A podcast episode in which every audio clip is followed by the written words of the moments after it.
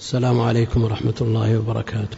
الحمد لله رب العالمين صلى الله وسلم وبارك على عبده ورسوله نبينا محمد وعلى آله وصحبه أجمعين. أما بعد ففي هذه الليلة المباركة وفي هذا المكان المبارك نلتقي مع إخوة أعزاء فضلاء يجمعنا بهم الدين والعلم ونية الخير إن شاء الله تعالى. نسأل الله جل وعلا أن لا يحرمنا الأجور المرتبة على مثل هذا الاجتماع. عنوان الدرس في إطار قول الله جل وعلا قد أفلح من زكاها الموضوع في غاية الأهمية وجدير بالعناية. يقول الله جل وعلا بعد أن أقسم أحد عشر قسما أحد عشر قسما الشمس وضحاها والقمر إذا تلاها إلى أن قال قد أفلح من زكاها أحد عشر قسما. ولله جل وعلا أن يقسم بما شاء من مخلوقاته لكن ليس للمخلوق أن يقسم بغير الله جل وعلا ومن حلف بغير الله فقد أشرك لكن الله جل وعلا يقسم بما شاء من مخلوقاته بيانا لشأن هذا المقسم به. هذه الأقسام وهذه الأيمان الأحد عشر عقبها جل وعلا بقوله قد أفلح من زكاها والضمير يعود على النفس ونفس وما سواها يعود على النفس. فجواب القسم عند جمع من أهل العلم بل جواب هذه الأقسام الأحد عشر في قوله قد أفلح من زكاها والعادة أن جواب القسم يقترن باللام. العادة والمضطرد في لغة العرب أن جواب القسم يقترن باللام. وأهل العلم خرجوا هذا على أنه لطول الفصل طول الفصل أغنى عن وجود هذه اللام. فجواب هذه الأقسام قد أفلح من زكاه ونازع في هذا بعض أهل العلم ممن له عناية باللغة كالزمخشري مثلا وهذا ليس له أثر أو ليس لعقيدته في هذا أثر وإلا فهو معتزلي. أقول جواب هذه الأقسام في هذه السورة العظيمة. التي سمعناها من الإمام وفقه الله قول الله جل وعلا قد أفلح من زكاها عند كثير من المفسرين. وأجابوا عن كون الجواب لم يقترن باللام كما هو الأصل وإلا فالأصل لقد أفلح قالوا طول الفصل يغني عن هذه اللام. وخالف الزمخشري فقال إن قوله قد أفلح من زكاها ليس هو جواب القسم. وإنما جواب القسم ما يفهم من قول الله جل وعلا فدمدم عليهم. وحينئذ يكون الجواب والشمس وضحاها إلى نهاية الأقسام الأحد عشر ليدمدمن الله على أهل مكة بشركهم كما دمدم على قوم صالح. ثمود. والجواب هذا مفهوم من سياق قصة الناقة وقتل قوم صالح لها ومعاقبتهم بالدمدمة.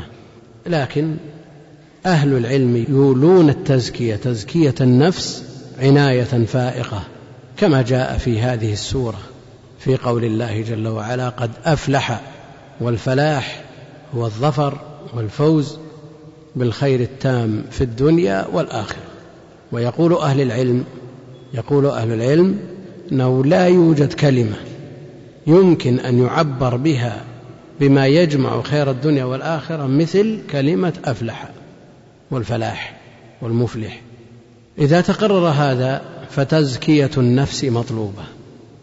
قد أفلح من زكاها زكاها يعود الضمير على النفس. وفاعل زكى من أهل العلم من يرى أنه ضمير يعود إلى الله جل وعلا.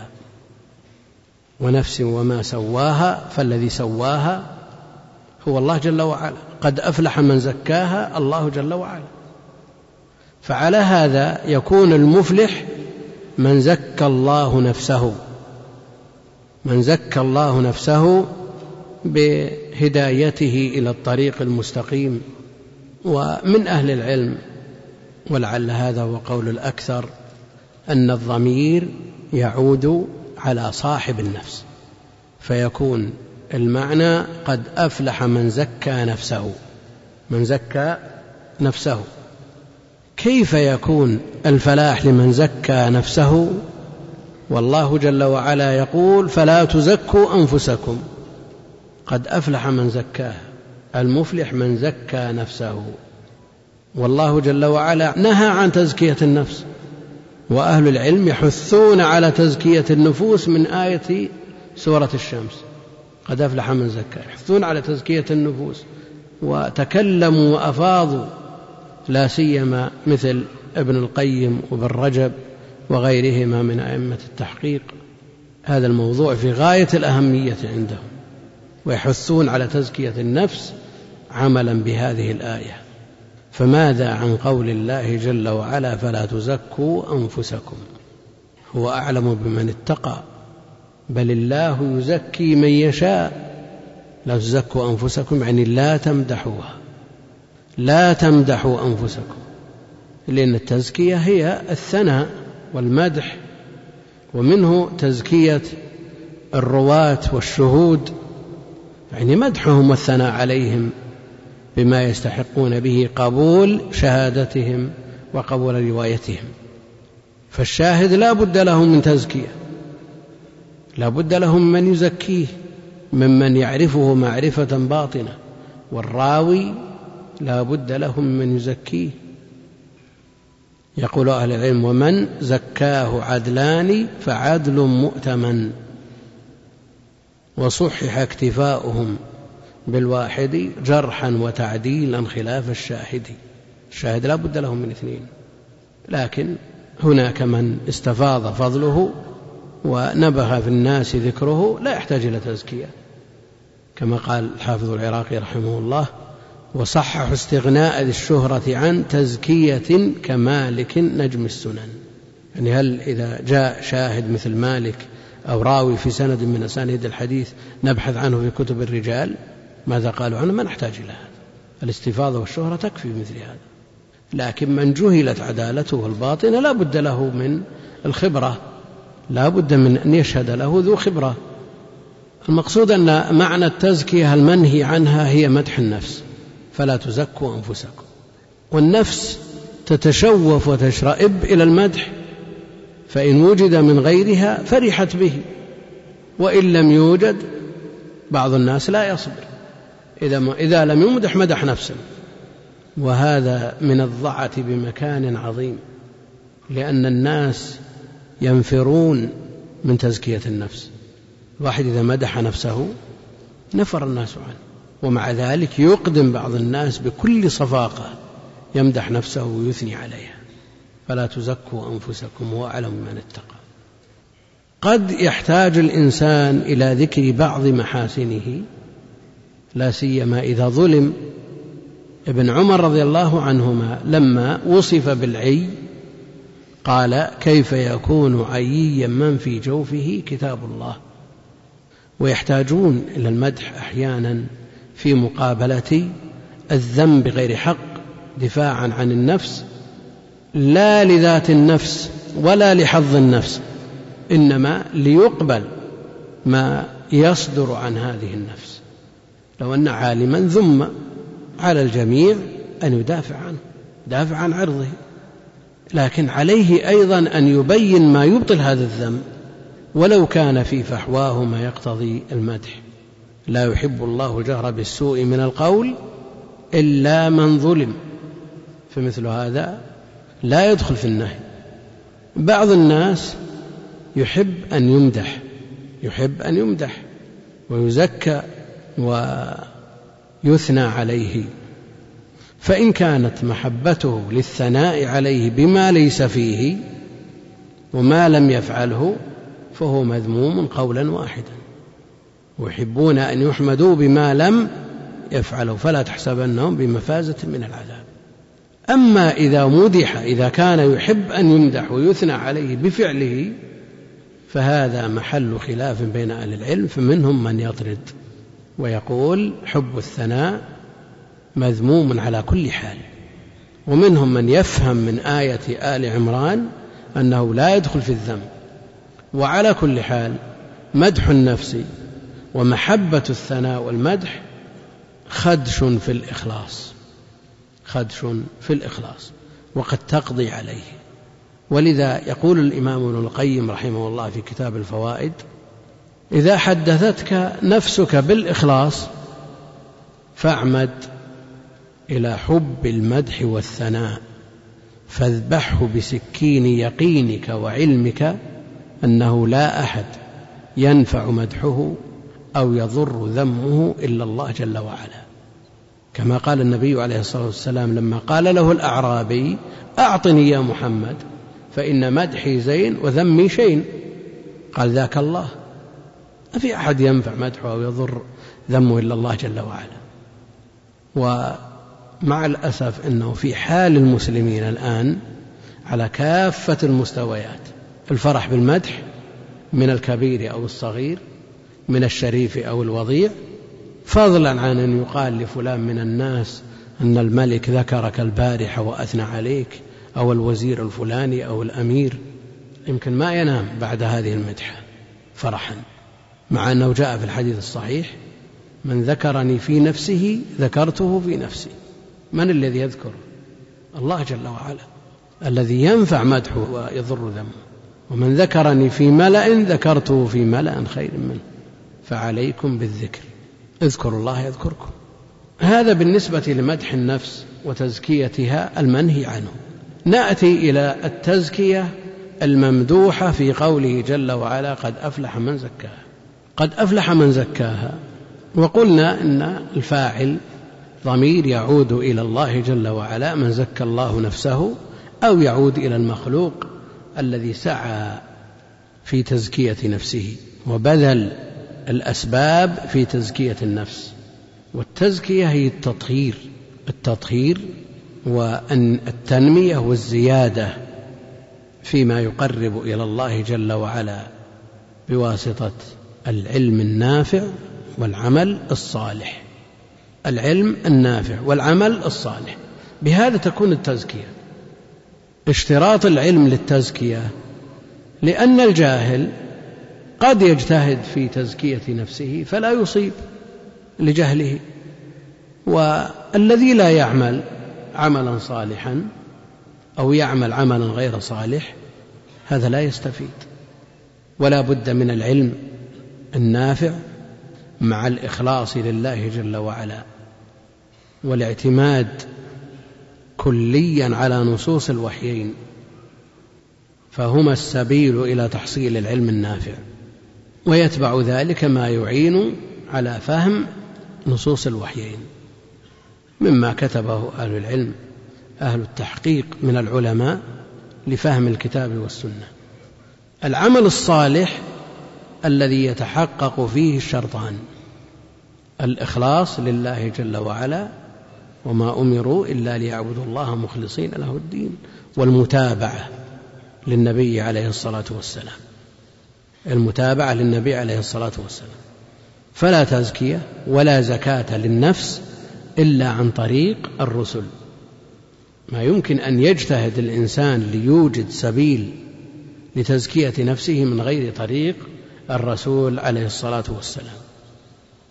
عند بعض الطرقية وبعض الصوفية عندهم طرق يربون بها المريدين لا يعتمدون فيها على نصوص الكتاب والسنة. فمثلا شيخ طريقة جاءه مريد وقت صلاة الجمعة فحان وقت الصلاة ولم يخرجا إلى المسجد. فلما نوقش وعوتب قال فقهاؤكم يقولون إذا خشي الإنسان على ضياع ماله يترك الجمعة والجماعة. وأنا أخشى على ضياع قلب هذا المريد. هل في هذا اتباع للرسول عليه الصلاة والسلام؟ ومن ترك ثلاث جمع طبع الله على قلبه؟ وأهل العلم يقولون أن ترك الجمعة من باب تيسير العسرى. النار نسأل الله العافية. على كل حال لا بد من العلم النافع والعمل الصالح. طيب عوام المسلمين ما نصيبهم من هذه التزكية؟ نصيبهم وفرضهم سؤال أهل العلم. ما الطريقة؟ ما الوسيلة؟ يناقش ويسأل أهل العلم ويدلونه على الطريق. ممن لم يتيسر له طلب العلم بنفسه وشغلته الشواغل أو لم يتذكر أو لم يلتفت إلى العلم إلا في بعد كبر سنه. والله جل وعلا يقول فاسألوا أهل الذكر إن كنتم لا تعلمون. تتم التزكية بالعلم النافع بنصوص الكتاب والسنة العمل الصالح بعمل القلب عمل الجوارح عمل اللسان الذي تحققت فيه الشروط شروط القبول الإخلاص والمتابعة. ليبلوكم أيكم أحسن عملا. يقول الفضيل بن عياض أحسن عملا أخلصه وأصوبه. أخلصه وأصوبه. قيل يا أبا علي ما أخلصه وما أصوبه قال إن العمل إذا لم يكن خالصا لله جل وعلا لم يقبل وإذا لم يكن صوابا على سنة النبي عليه الصلاة والسلام لم يقبل. فهذان الشرطان لا بد منهما في كل عبادة وعلى رأس هذه العبادات الإيمان بالله جل وعلا بشروطه المذكورة في حديث جبريل. لا بد من الإيمان. ولا بد من تحقيق التوحيد. لا بد من تحقيق التوحيد. وتنقية التوحيد من شوائب الشرك والبدع والمعاصي. لا بد من هذا. ليتم الأمن في الدنيا والآخرة. ليتحقق الأمن في الدنيا والآخرة. ولا يبدلنهم من بعد خوفهم أمنا يعبدونني لا يشركون بي شيئا. الذين آمنوا ولم يلبسوا إيمانهم بظلم أولئك لهم الأمن وهم مهتدون. فلا بد من تحقيق التوحيد وتخليصه وتنقية من شوائب الشرك والبدع والمعاصي وكل ما يخدش التوحيد. ولا بد من أن يكون الإيمان كاملا أو يقرب من الكمال بقدر الاستطاعة. فيحرص على أن يؤمن بالله جل وعلا وملائكته وكتبه ورسله واليوم الآخر بالقدر خيره وشره ويحقق الإيمان من خلال هذه الأركان الستة. ولا يأتي بما يضعف هذا الإيمان بل يأتي بما يقوي الإيمان في القلب وهو الأعمال الصالحة. الأعمال الصالحة هي التي تقوي الإيمان بالقلب وهي التي تزكي النفس والذي يضعف الإيمان بالقلب لا شك أنه هو المعاصي وعلى رأسها الشرك الذي يقضي على الإيمان بالكلية لئن أشركت ليحبطن عملك. مما يقوي الإيمان النظر في آيات الله الكونية والشرعية. النظر في آيات الله الكونية والشرعية وأيضا الأعمال الصالحة وترك المعاصي. ففعل المأمورات وترك المحظورات مما يقوي الإيمان في القلب. التزكية بالإيمان الخالص لله جل وعلا بالتوحيد المحقق على ما ضوء ما جاء عن الله وعن رسوله عليه الصلاة والسلام والبعد عما يخدش هذا الإيمان وهذا التوحيد من بدع ومعاصي تزكية تكون بهذا مع الأعمال الصالحة. التي أوجبها الله جل وعلا على عباده كالصلاة التي هي الركن الثاني من أركان الإسلام. إن الصلاة تنهى عن الفحشاء والمنكر والصلوات الخمس والجمعة إلى الجمعة كفارات لما بينها إذا اجتنبت الكبائر. فهذه الصلاة إذا أديت على الوجه المطلوب وأقيمت على ضوء صلوا كما رأيتموني أصلي فإنها تنهى عن الفحشاء والمنكر. وبهذا يندفع سؤال يلقيه كثير من الناس. يقول نرى الشخص يصلي. يصلي ومواظب على الصلاة لكنه مع ذلك صلاته ما نهته عن فحشاء ولا منكر. يزاول المنكرات ويترك واجبات. نقول هذه الصلاة ليست هي الصلاة التي يمتثل فيها قوله عليه الصلاة والسلام صلوا كما رأيتموني أصلي. وهذه الصلاة إن كفرت نفسها كما قال شيخ الإسلام فيكفي لأن من المصلين من يخرج بدون أجر ومنهم من, من يخرج بعشر الأجر ومنهم من يخرج من الأجر بالخمس أو الربع أو النصف ومنهم من يخرج بأكثر من ذلك وذلك فضل الله يؤتيه من يشاء. لكن العبد لا بد أن يبذل لا بد أن يري الله من نفسه خيرا ويصدق في بذله. وإذا علم الله جل وعلا منه صدق النية أعانه. وإلا فكثير من الناس يقول حاولنا جاهدين أن نخلص في صلاتنا ونستحضر ونخشع لكن لم نستطع. الإنسان يدخل المسجد ويخرج منه كأنه قد دخل أي مكان فيه اجتماع. كقصر أفراح أو أو أو, أو مدرسة أو ما أشبه ذلك. لا لا فرق. ويخرج من صلاته كما دخل ويرجع إلى ما كان يزاوله قبل صلاته. نقول هذه الصلاة لا بد فيها من مراجعة النفس. تراجع نفسك. ما الخلل الذي تطرق إلى صلاتك بحيث لم تترتب عليها آثارها؟ قد يقول قائل صلوات الناس بهذه الكيفية صحيحة ولا باطلة؟ الله جل وعلا يقول إنما يتقبل الله من المتقين والذي لا تنهاه صلاته عن الفحشاء والمنكر يزاوي المنكرات يترك واجبات هذا ليس من المتقين والحصر في القبول إنما هو من من المتقين. فهل يقال بأن الفساق تجب عليهم إعادة صلواتهم؟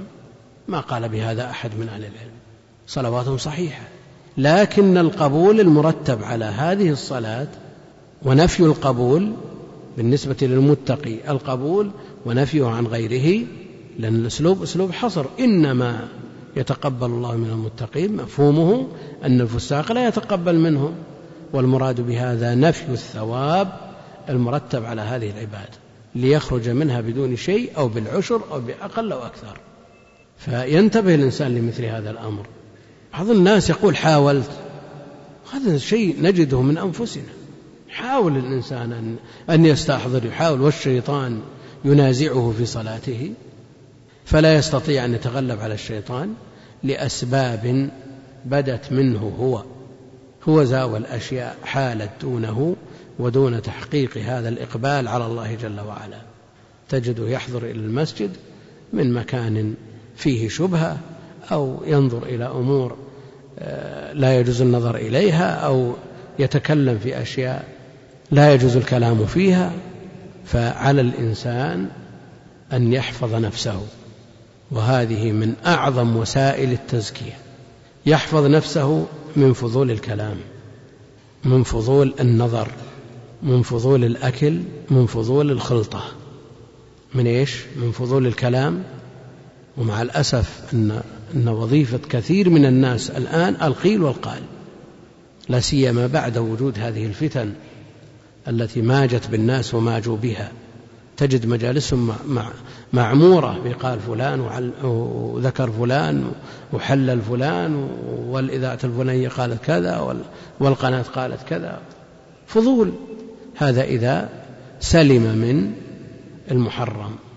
تجد فاكهته الكلام في الناس. فلان كذا وفلان كذا فلان طويل فلان قصير فلان أسمر فلان أبيض. ويقدح في فلان وعلان لأدنى مناسبة وتجد لسانه على كتفه كما يقال. يقع في كافة الناس أخيارهم وغير الأخيار. وتجد مثل هذا النوع وهذا أمر مجرب. الذي وظيفته القيل والقال لا يستطيع أن يملك لسانه في المواطن التي جاء الحث فيها على حفظ اللسان. وتجده لا يطيق الجلوس مع الأخيار الذين يحفظون أنفسهم من القيل والقال. تجد أثقل آه، مجلس عنده شخص فيه عنده تحري بحيث يحسب حسابه لو تكلم في شخص قال له هذا الشخص المتحري اتق الله ترى هذه غيبة والغيبة محرمة هذه ثقيلة على النفس فتجده يكره الأخيار من أجل هذا وينبسط لمن على شاكلته ممن وظيفته القيل والقال. والرسول عليه الصلاة والسلام يقول من حج فلم يرفث ولم يفسق رجع من ذنوبه كيوم ولدته أمه. رجع من ذنوبك يوم ولدته أمه. الحج أربعة أيام. يعني في وقتنا ما يزيد على أربعة أيام. ومع ذلك لا يستطيع من هذا ديدنه أن يحفظ نفسه هذه الأيام الأربعة. ما يستطيع ولا يوفق لأنه ما تعرف على الله في الرخاء. أيام الرخاء ما تعرف على الله ليعرف في الشدة. وتجد من هذا شأنه وهذا ديدنه. ترد عليه المواسم العشر الأواخر من رمضان وعشر ذي الحجة ويوم عرفة والمواسم الفاضلة التي تضاعف فيها الأجور ويريد أن يحفظ نفسه ويجتمع قلبه على كتاب الله جل وعلا مثلا ثم بعد ذلك لا يستطيع. لا يستطيع. يفتح المصحف تجده يترك مصالحه في بلده ويأتي إلى أقدس البقاع ويجلس من صلاة العصر إلى غروب الشمس ينتظر الإفطار في المسجد الحرام وبيده المصحف. ثم بعد ذلك ينظر المصحف دقيقتين ثلاث خمس ثم يلتفت يمينا وشمالا عله أن يجد أحد قادم ولا رايح ولا غادي ممن يعرفه ليتحدث معه كما كان ذلك ديدنه في حال الرخاء. التفت يمينا وشمالا ثم بعد ذلك فتح المصحف ثانية وهكذا فإن لم يجد أحد ذهب هو يبحث عن الناس. فمثل هذا لا يعان على اغتنام هذه الأوقات. وإذا قيل له أن السلف يختمون كل ليلة في العشر الأواخر قال هذا خيال. ما يمكن. مستحيل. كيف؟ لأنه يقيس الناس على نفسه. فعلينا أن نحرص على حسم هذه المادة وأن لا نتكلم إلا بعد محاسبة للنفس. هل هذه الكلمة أو هذا الكلام ينفعني يوم القيامة حين ألقى الله جل وعلا أو يضرني؟ إن كان ينفع فأخدم إن كان يضر فأحجم وإن كان لا هذا ولا هذا فمن حسن إسلام المرء تركه ما لا يعنيه. ويدخل في الكلام الكتابة الكتابة يعني بعض الناس مغرم بالكتاب يكتب كثير فلا تكتب إلا ما ينفعك يوم القيامة فلا تكتب بكفك غير شيء يسرك في القيامة أن تراه. فهذه فضول الكلام لا بد من حسمها فضول النظر النظر والبصر نعمة من نعم الله جل وعلا. لا يعرفها إلا من فقدها. نعمة. لكنها إذا استغلت بما لا يرضي الله جل وعلا صارت نقمة. صارت نقمة. وهذه النعم لا بد من شكرها واستعمالها فيما يرضي الله جل وعلا. عنده بصر. يستعمله في قراءة القرآن. يستعمله في قراءة العلم. يستعمله في مصالحه في دنياه. التي يتخذ منها طريقا وسبيلا إلى الجنة لكن إن استعمله فيما حرم الله عليه كالنظر إلى ما لا يجوز النظر إليه سواء كان ذلك نظرا مباشرا أو بواسطة آلات أو قنوات أو صور أو مجلات أو ما أشبه ذلك كل هذا يحرم عليه النظر فيه. فهذه النعمة انقلبت بالنسبة له نقمة. نسأل الله العافية. وأيضا السمع السمع من أعظم النعم من نعم المولى جل وعلا على الإنسان. بل فضله جمهور أهل العلم على البصر. فإذا كان السمع بهذه المثابة فلا بد أن يؤدى شكر هذه النعمة. فلا يسمع فيه إلا ما يرضي الله جل وعلا. والحذر الحذر من سماع ما يحرم سماعه. والآن الأبواب مفتوحة لرؤية وسماع ما يحرم إلى الشرك الأكبر. دخل في بيوت الناس وعامتهم. قنوات السحر الآن تشاهد في بيوت عوام المسلمين وتسمع. والله المستعان. شر مستطير. لا بد من أن يقف المسلم منه وقفة حازمة ويقي نفسه. ومن ولاه الله عليه قوا أنفسكم وأهليكم نارا وقودها الناس والحجارة. لا بد من هذا. ثم إذا تيسر له أن يتعدى هذا النفع خارج بيته إلى جاره إلى أخيه إلى قريبه إلى الأمة بكاملها فلا يحرم نفسه لأن هذا الغزو خطير جدا. يعني عاش الناس مدة سنوات وقد غزوا في قعر بيوتهم بالشهوات. القنوات الماجنة غزت بيوت المسلمين بالشهوات ثم بعد ذلك بالشبهات التي تزلزل العقائد ثم بعد ذلك بالشرك الأكبر نسأل الله السلامة والعافية. كيف يزكي نفسه من أتاح الفرصة لمن ولاه الله عليه بمشاهدة هذه الأمور؟ والنفس تنازع ما دام هذا موجود فالصراع قوي وشخص سكن في شقة في بلد ما فيها القنوات كلها فأراد أن ينظر إلى الأخبار بحث عن المجد ما استطاع أن يصل إليها فوجد في أخبار الجزيرة فإذا التي تلقي الأخبار امرأة جاء بالشرشة في الغطاء غطاء النوم وغطى به الآلة لئلا يرى المرأة. هذا أول مرة. المرة الثانية. نازعته نفسه إلى أن كشف الغطاء. فمن العصمة أن لا يقدر الإنسان على مثل هذه الأمور. من العصمة أن يحسم الإنسان مادة هذه الأمور بالكلية. ويستغني بما ينفعه أما أن يجعل هذه الأمور في متناول يده ويد من والله الله عليه ممن لا يدرك المصلحة. كثير من النساء ما يدرك المصلحة. كثير من من البنين والبنات لا يدركون المصلحة من المفسدة. ثم بعد ذلك يلوم القناة أو يلوم من من سبب في هو أنت المتسبب. ألقاه في اليم مكتوفا ثم قال له إياك إياك أن تبتل بالماء. شاب أو شابة مراهق أو مراهقة تترك لهم هذه الفرصة ولا, ولا رقيب ولا حسيب تقول والله أريد صلاحهم. ربنا هب لنا من أزواجنا وذرياتنا قرة أعين. كيف يجاب مثل هذا الدعاء وأن تركت لهم أسباب ووسائل الفساد ويسرتها لهم؟ كيف يقول الولد رب ارحمهما كما ربياني صغيرة وأن تركت لهم أسباب ووسائل الفساد؟ كما ربياني صغيرا كيف ربيتهم أنت؟ إن ربيتهم على الخير والفضل حب الخير وأهله والعلم النافع والعمل الصالح أبشر لأنك ربيتهم على مراد الله جل وعلا. لكن إن ربيتهم على خلاف ذلك فلا تتوقع هذه النتيجة. إلا برحمة أرحم الراحمين.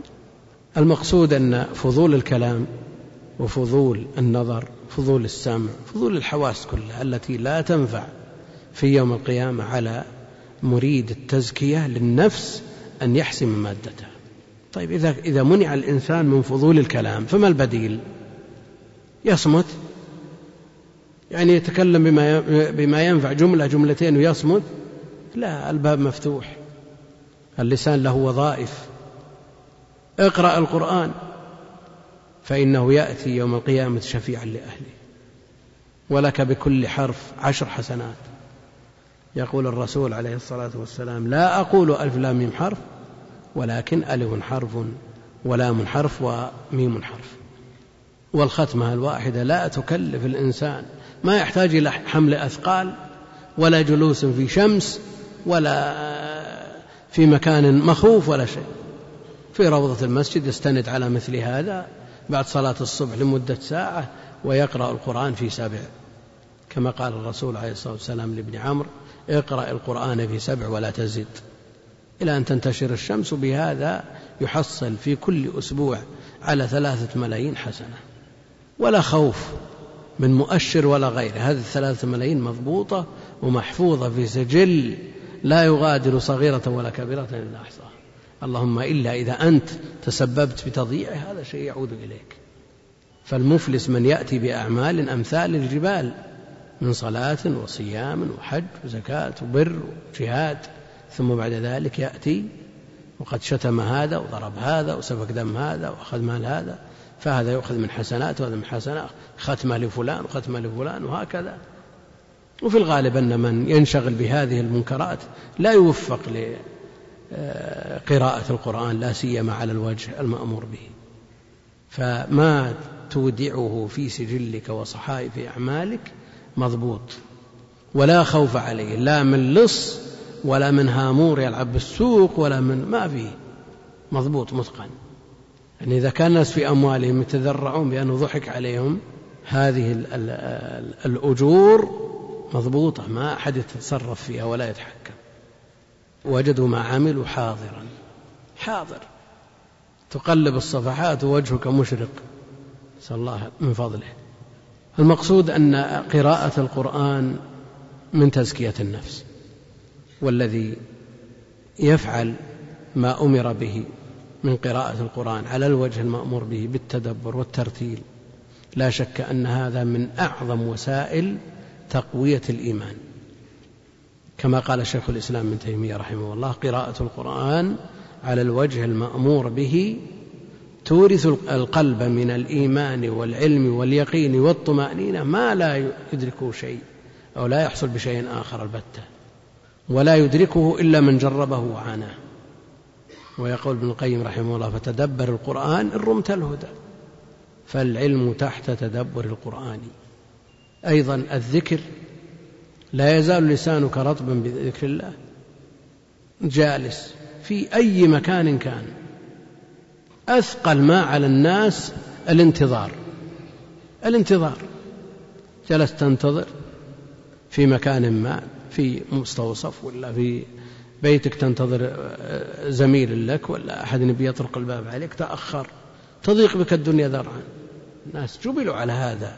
لكن من استغل وقته بذكر الله وآنس بالله جل وعلا ما يضيق صدره. يتمنى أن لو تأخر الدور لأنه إذا قال سبحان الله والحمد لله ولا إله إلا الله والله اكبر الباقيات الصالحات.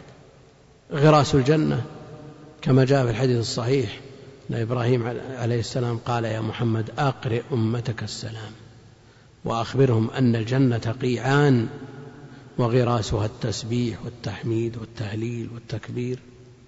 أمور أمور يعني لا تكلف الإنسان شيئا.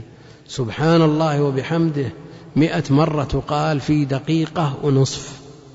في دقيقة ونصف. من قال سبحان الله وبحمده مئة مرة حطت عنه خطاياه وإن كانت مثل زبد البحر. والحديث متفق عليه لا أحد يقول والله ثواب عظيم على على أمر يسير. لا. فضل الله يؤتيه من يشاء. والله يضاعف لمن يشاء إلى سبعمائة ضعف. يعني قد يقول الإنسان هذه أمور لا يتخيلها عقل لكن فضل الله أعظم. قالوا إذا نكثر قال الله أكثر. يعني إذا كان آخر من يدخل الجنة يعني يخرج من النار يدخل الجنة فيقال له تمن. تضيق به الأماني فيقال له أتريد ملك أعظم ملك من ملوك الدنيا؟ فيقول إي ورب إي يا رب. فيقال لك مثله ومثله ومثله ومثله إلى عشرة أمثال. هذا آخر من يدخل الجنة يخرج من النار يدخل الجنة. فكيف بالسابقين المسارعين إلى الخيرات لكن على الإنسان أن يعمل وأن يبذل وأن يكون على الجادة. لأن العمل لا ينفع إذا حاد عن الجادة يمينا وشمالا. لا بد من المتابعة للرسول عليه الصلاة والسلام ولا بد من الإخلاص لله جل وعلا. والعمل بهذين الشرطين باطل لا قيمة له.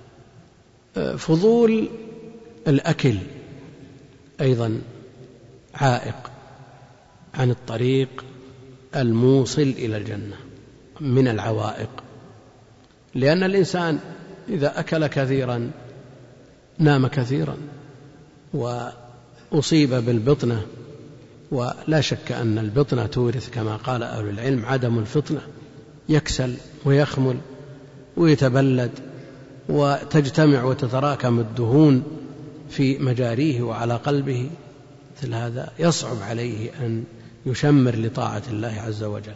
فإذا أكل كثيرا نام عن قيام الليل وقد ينام عن صلاة الصبح وقد يصاب بأمراض تعوقه عن الأعمال الصالحة وقد يدفعه نهمه إلى أن يطلب الطعام من غير حله. وكل هذه أمور لا شك أنها عائق عن تزكية النفس. فضول الخلطة. الإنسان لا بد له من أن يجتمع بغيره. لا بد أن يجتمع بغيره لأنه كما قال ابن القيم وابن خلدون وغيرهما الإنسان مدني بالطبع وحاجته بيد غيره. قد تكون حاجته بيد غيره وحاجة غيره بيده فيحتاج إلى أن يجتمع بفلان وفلان. فهذه الخلطة يحرص الإنسان بقدر الإمكان على تقليلها إلا بقدر الحاجة وما أوتي كثير من طلبة العلم إلا من قبل هذه الخلطة.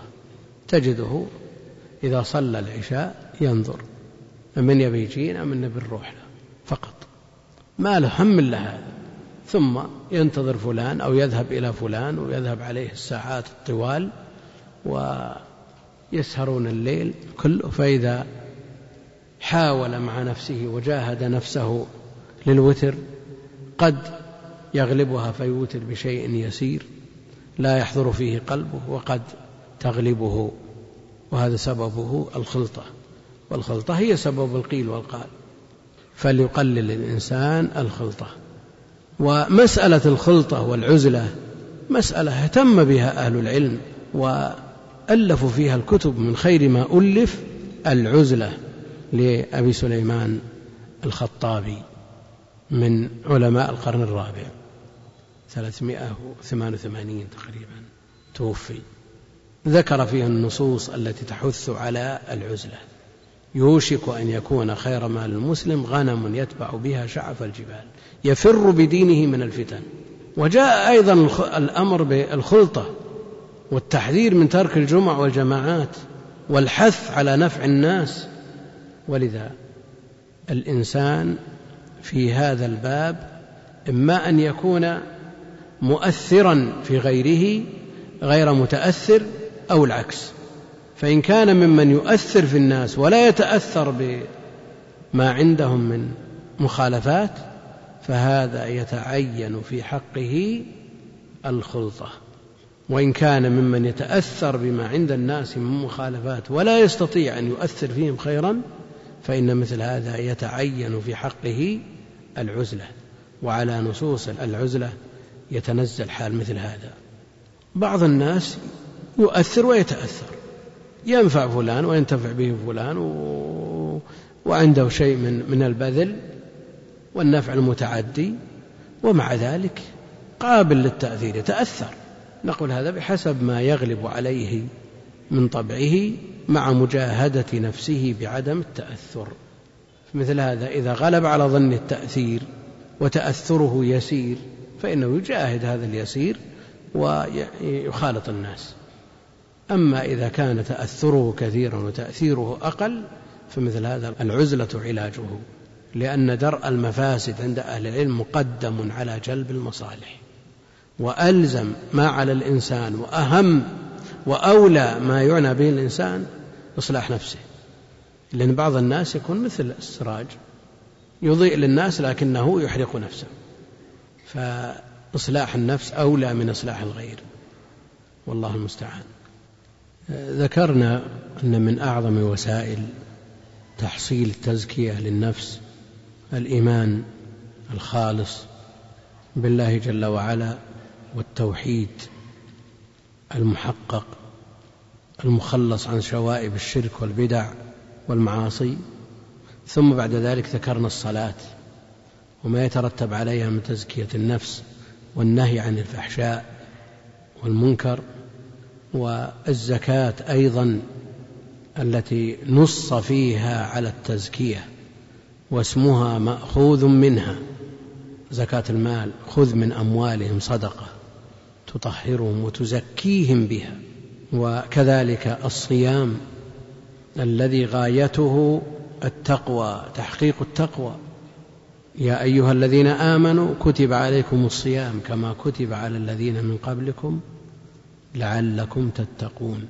فإذا كانت الزكاة تزكي الإنسان في نفسه وعمله وماله فإن الصيام محقق للتقوى لعلكم تتقون. والتقوى فعل الأوامر واجتناب النواهي. ويرد هنا السؤال الذي ورد بالنسبة للصلاة. يصلي الإنسان ولا تنهاه صلاته عن الفحشاء والمنكر وقلنا أن الصلاة هذه فيها خلل. والصيام الذي لا يورث التقوى لا شك أن فيه خللا لم يكن على مراد الله ومراد رسوله عليه الصلاة والسلام من الصيام وإلا فالوعد ممن لا يخلف الميعاد بل أهل العلم يقولون لعل من الله واجبة لعلكم تتقون فالصيام مورث للتقوى بلا محالة لكن أي صيام يورث التقوى؟ ينهى صاحبه عن ارتكاب المحظور أو ترك المأمور الصيام الذي حفظ عما يخدشه الصوم جنة. في رواية ما لم يخدشها فالذي لا يحفظ صيامه عن قول الزور فإن هذا الصيام لا شك أنه لا تترتب عليه آثار. وكذلك مثل قول الزور ارتكاب المحرمات أثناء الصيام. فمثل هذا الصيام لا يورث التقوى ومع ذلك لا يؤمر بإعادته. الصوم صحيح عند أهل العلم مسقط للطلب لكن الآثار المترتبة عليه لا توجد. ويعاقب على ما ارتكبه حال صيامه من محرم أعظم مما يعاقب عليه حال فطره. الحج من حج فلم يرفث ولم يفسق رجع من ذنوبه كيوم ولدته أمه. وهو أيضا مشترط فيه التقوى. اذكروا الله في أيام معدودات فمن تعجل في يومين فلا إثم عليه ومن تأخر فلا إثم عليه لمن اتقى. القيد لمن تعجل أو لمن تأخر. لمن تعجل أو لمن تأخر. نعم؟ نعم؟ للأمرين. للأمرين. لأن بعض الناس قد يفهم من الآية أنها مدح للتأخر. مدح للتأخر. لاقتران التأخر بالتقوى نقول لا هذا قيد لمن تعجل وهو أيضا قيد لمن تأخر. وما وما ومعنى الآية كما قال ابن رجب وغيره هو معنى قوله رجع من ذنوبه كيوم ولدته. فمن تعجل في يومين فلا إثم عليه يعني ارتفع عنه الإثم.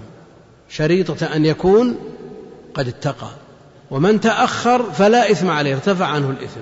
رجع من ذنوبك يوم ولدته أمه شريطة أن يكون قد اتقى. وأما ترجيح وتفضيل آه، التأخر على التعجل فيؤخذ من فعل النبي عليه الصلاة والسلام. أنه تأخر ما تعجل. وأما بالنسبة للآية فالتقوى قيد لمن تعجل ومن تأخر فلا بد من التقوى. لماذا؟ لتكون الآثار المرتبة والمترتبة على هذه الأعمال الصالحة محققة. هذه وعود من الله جل وعلا في كتابه. ما يقال ينظر في أسانيدها الصحيحة أو لا. هذا ثابت بالدليل القطعي بكلام الله جل وعلا في الصيام لعلكم تتقون. وفي الحج لمن اتقى فلا بد من التقوى. وبالتقوى تتم تزكية النفس. فالرابط بين التقوى والتزكية قوي فلا يمكن أن تتم تقوى من غير تزكية أو تزكية من غير تقوى. فهما متلازمان وبهذا ننتهي من المحاضرة. وإن كان الكلام في التزكية كثير جدا وأهل العلم لا سيما ابن القيم وابن رجب أولوا هذا الموضوع عناية فائقة ويمكن أن يطرق من وجوه عديدة وبأساليب كثيرة لكن هذا ما سمح به الوقت والأسئلة كثيرة جدا. يمكن تحتاج إلى إلى محاضرات بل لقاءات لكن نأتي منها بالشيء اليسير ويرجع الباقي. إذا قيل للشخص إنه سلفي هل تعبير هذا تزكية أو تعتبر هذه تزكية؟ أرجو توضيح هذه المسألة. إذا قيل إنه سلفي من قبل من يعتد بقوله من أهل العلم فهذه تزكية له. لكن إن قالها عن نفسه فلا تزكوا أنفسكم. اللهم إلا إذا كان مقتديا بسلف هذه الأمة ويريد أن أن يبرز هذا المذهب ويحث إليه كما قالوا في الأثر فلان بن فلان الأثري انتسب إلى الأثر جماعة من أهل العلم. يقول راجي ربه المقتدر عبد الرحيم بن الحسين الأثري لكن هو في بلد يقل فيه السلفية أو يكثر فيه السلفية أو الأصل فيه السلفية. على كل حال مثل هذه الأمور تقدر بقدرها والإنسان ينظر إلى ما وقر في قلبه. إن كان بيترفع بذلك على غيره فتزكي للنفس. هذا يسأل عن صوت المرأة هل هو عورة؟ وإذا كان كذلك فما حكم ردها على الهاتف. أولا المنهي عنه بالنسبة للمرأة هو الخضوع بالقول. فلا تخضعن بالقول فيطمع الذي في قلبه مرض. الخضوع بالقول لا يجوز بحال. وإذا كان صوت المرأة وجد هكذا خلق هكذا في شيء من الخضوع فمنعه من أجل الفتنة المترتبة عليه. وإلا إذا تكلمت المرأة من غير خضوع وصوتها لا يورث فتنة في قلب محدثها فالمرجح أنه ليس بعورة وإن كان من أهل العلم من المتقدمين والمتأخرين يرى أنه عورة لأنه مؤثر في الرجال ولا, ولا محالة ويستدلون على ذلك بأمور منها أنها لا تجهر في صلاتها ولا تجهر في تلبيتها وإذا نابها شيء في الصلاة آه، صفقت ولا تسبح. المقصود أن هذا قول معروف عند أهل العلم فخير ما للمرأة لا تتعرض للرجال لا بكلام ولا بغيره. وهذا أحفظ لها ولهم. لكن إن احتاجت إلى ذلك ولا يوجد من يقضي حاجتها إلا هي فالأصل إن شاء الله الجواز مع أمن الفتنة. يقول ما حكم إرادة الإنسان بعمل الصالح الدنيا والثناء والمال مثل التدريس في المدارس للمواد الدينية والإمامة. آه، هذه الأمور أعني تعليم العلم الشرعي من أمور الآخرة المحضة. لا يجوز فيها التشريك. لا بد أن يبذل لله جل وعلا. وكونه يأخذ من بيت المال ما يعينه على تحقيق الهدف الذي من أجله خلق وهو تحقيق العبودية لله جل وعلا هذا لا يضره. قل ما حكم نظر النساء العلماء مثل العلماء. نظر النساء العلماء القنوات مثل الناس المسجد. كأن هذا يقول رتب الكلمات التالية. ما ما فيها شيء نربطها.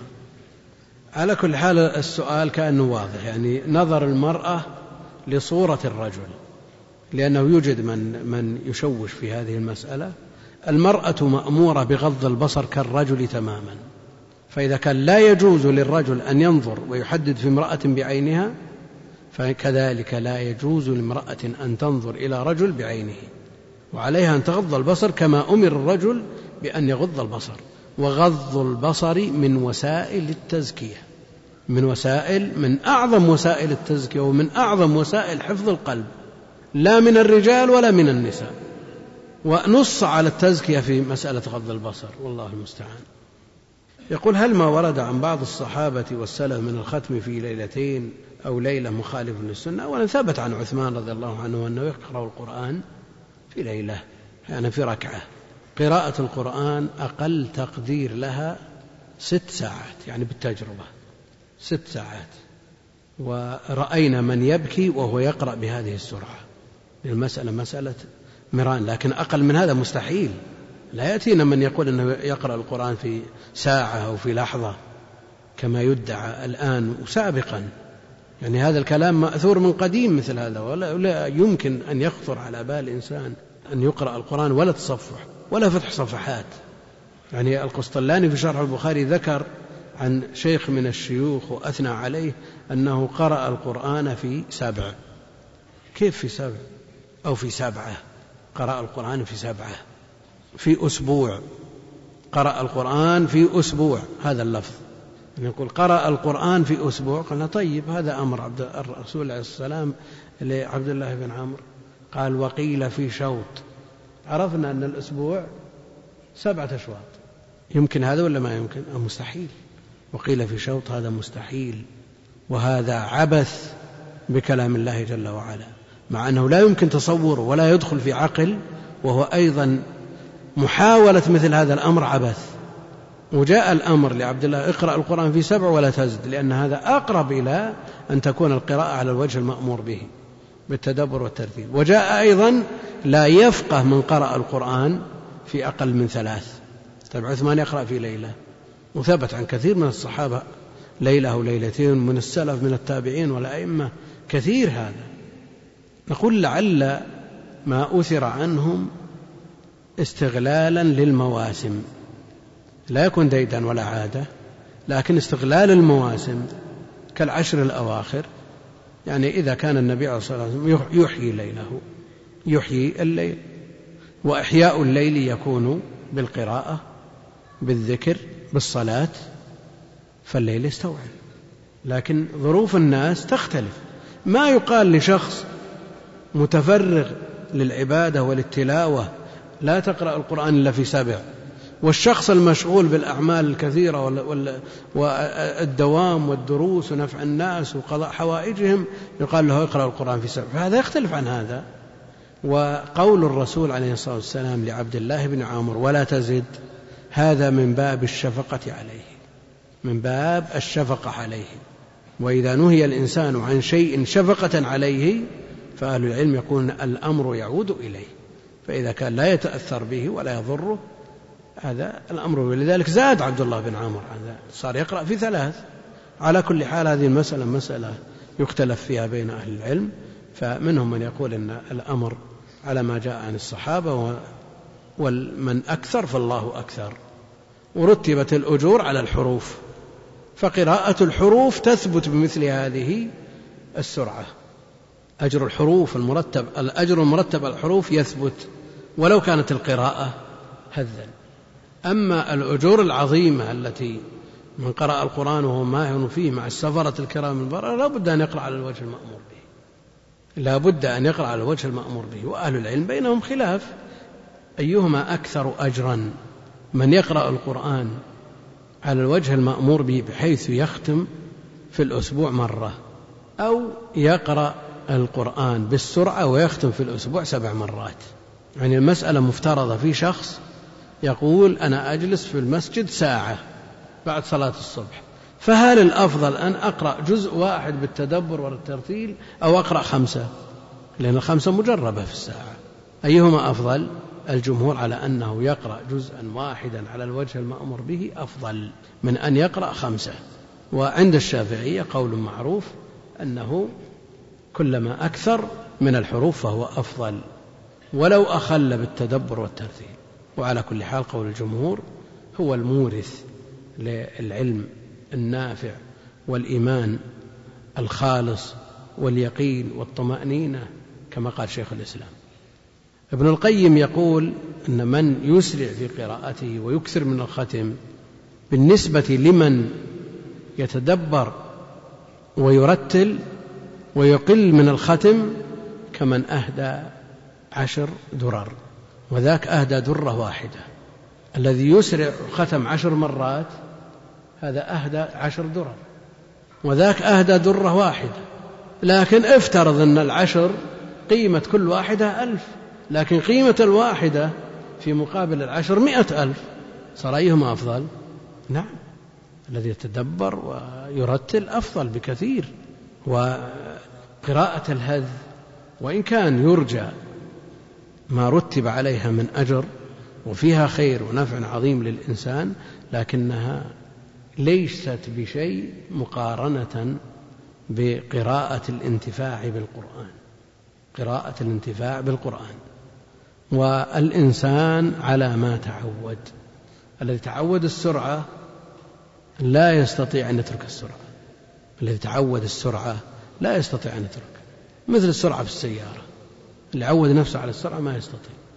فإذا مر بآية تأمر بالتدبر قصر قليلا. يعني الآيات الأربع آيات التدبر الأربع إذا مر بها قصر قليلا ثم نسيها فرجع إلى ما كان عليه. وهذا نظير من جبل على السرعة في القيادة. إذا رأى حادث قصر قليلا. ثم بعد ذلك عشرة كيلو ينساه يرجع إلى ما كان عليه. فعلى الإنسان أن يعود نفسه على التدبر والترتيب. لكن شخص من عشر أو عشرين سنة عود نفسه على أنه يختم في كل ثلاث مثلا أو في كل سبع بسرعة بالهذ وأراد أن يعود إلى الطريقة الثانية الأمثل والأفضل. فهل نقول أنه بدلا من أن يختم في الشهر أربع مرات يختم مرة واحدة أو بدلا من أن يختم عشر يختم أربع أفضل له أو يستمر على طريقته لأن الرسول عليه الصلاة والسلام إذا عمل عملا أثبته. والتقليل من الختم رجوع بعض الشيء رجوع في الكم وإن لم يكن رجوعا في الكيف والعبرة بالكيف لأن بعض الناس يجد في نفسه أن يقلل بعد أن اعتمد طريقا واستمر عليه سنين. الرسول عليه الصلاة والسلام إذا عمل عملا أثبته. وجاء في الحديث الصحيح في البخاري وغيره مه اكلفوا من العمل ما تطيقون فإن الله لا يمل حتى تملوا. هل نقول إن الذي رجع من الختم عشر مرات في الشهر إلى مرة أو مرتين نقول هذا مل؟ أو نقول إنه بدلا من الكم رجع إلى الكيف والكيف أفضل؟ لأن هذا لا بد أن يوجد في نفس الحريص. صاحب التحري يؤثر فيه مثل هذا. لأن النبي عليه الصلاة والسلام إذا عمل عملا أثبته وهذا رجع.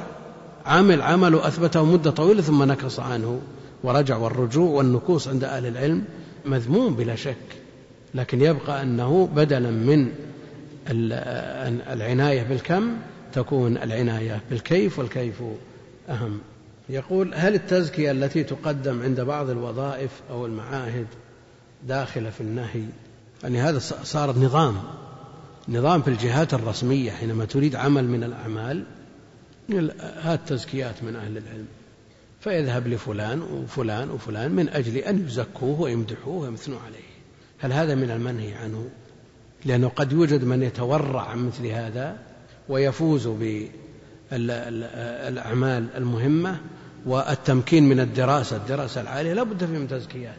هل نقول إن هذا صاحب التحري وصاحب الورع والتثبت الذي لا يريد التزكية المنهي عنها هل نقول له عليك أن تكف عن مثل هذا وإن فاز بها غيرك؟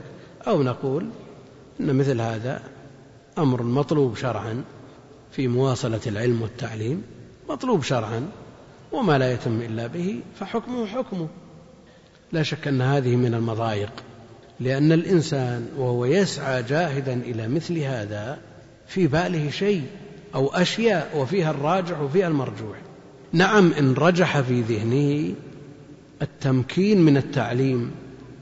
فإن رجح في ذهنه التمكين من التعليم وأنه لا يتمكن إلا بهذه الشهادة المتطلبة المغتفرة في سبيل الهدف النبيل هذا الذي يرمي إليه. وإن كان آه، جعل في ذهنه أشياء أخذ من شهادة زاد راتبه مثلا. مع تمكينه من التعليم مع أمور تحتف بذلك فليكف لأن ما عند الله لا ينال بسخطه. هذا العلم مما عند الله وما يبتغى به وجه الله لا ينال بمثل هذه الأمور. مع الأسف أنها صارت مشكلة الآن. وإلا لو أن التزكية مطلوبة لأن بعض الناس مجاهيل. ما يدرى عنهم ما يدرى عن حقيقتهم فلا بد من تزكيتهم فلا بد من تزكيتهم. لكن المعروف طلب التزكية منه غير وجيه. يقول هل يشترط احتساب النية في نفقة الرجل على أهله حتى يكتب له الأجر؟ النية لا بد منها. إنما الأعمال بالنيات. وإنما لكل امرئ ما نوى. وإنما لكل امرئ ما نوى. فلا بد من النية. وكم من أجور عظيمة تفوت كثير من الناس لغفلتهم وعزوب النية عن أذهانهم. تجد في نهاية كل شهر يذهب إلى المحلات التجارية والمواد الغذائية ويبذل المصروف لزوجته وأولاده وبناته ولا يستحضر شيئا مع أن الرسول عليه الصلاة والسلام قال إنه يؤجر على كل شيء حتى ما يضعه في في امرأته. يحتسب. الأجر من الله جل وعلا. والله أعلم صلى الله وسلم وبارك على عبده ورسوله نبينا محمد وعلى آله وصحبه أجمعين.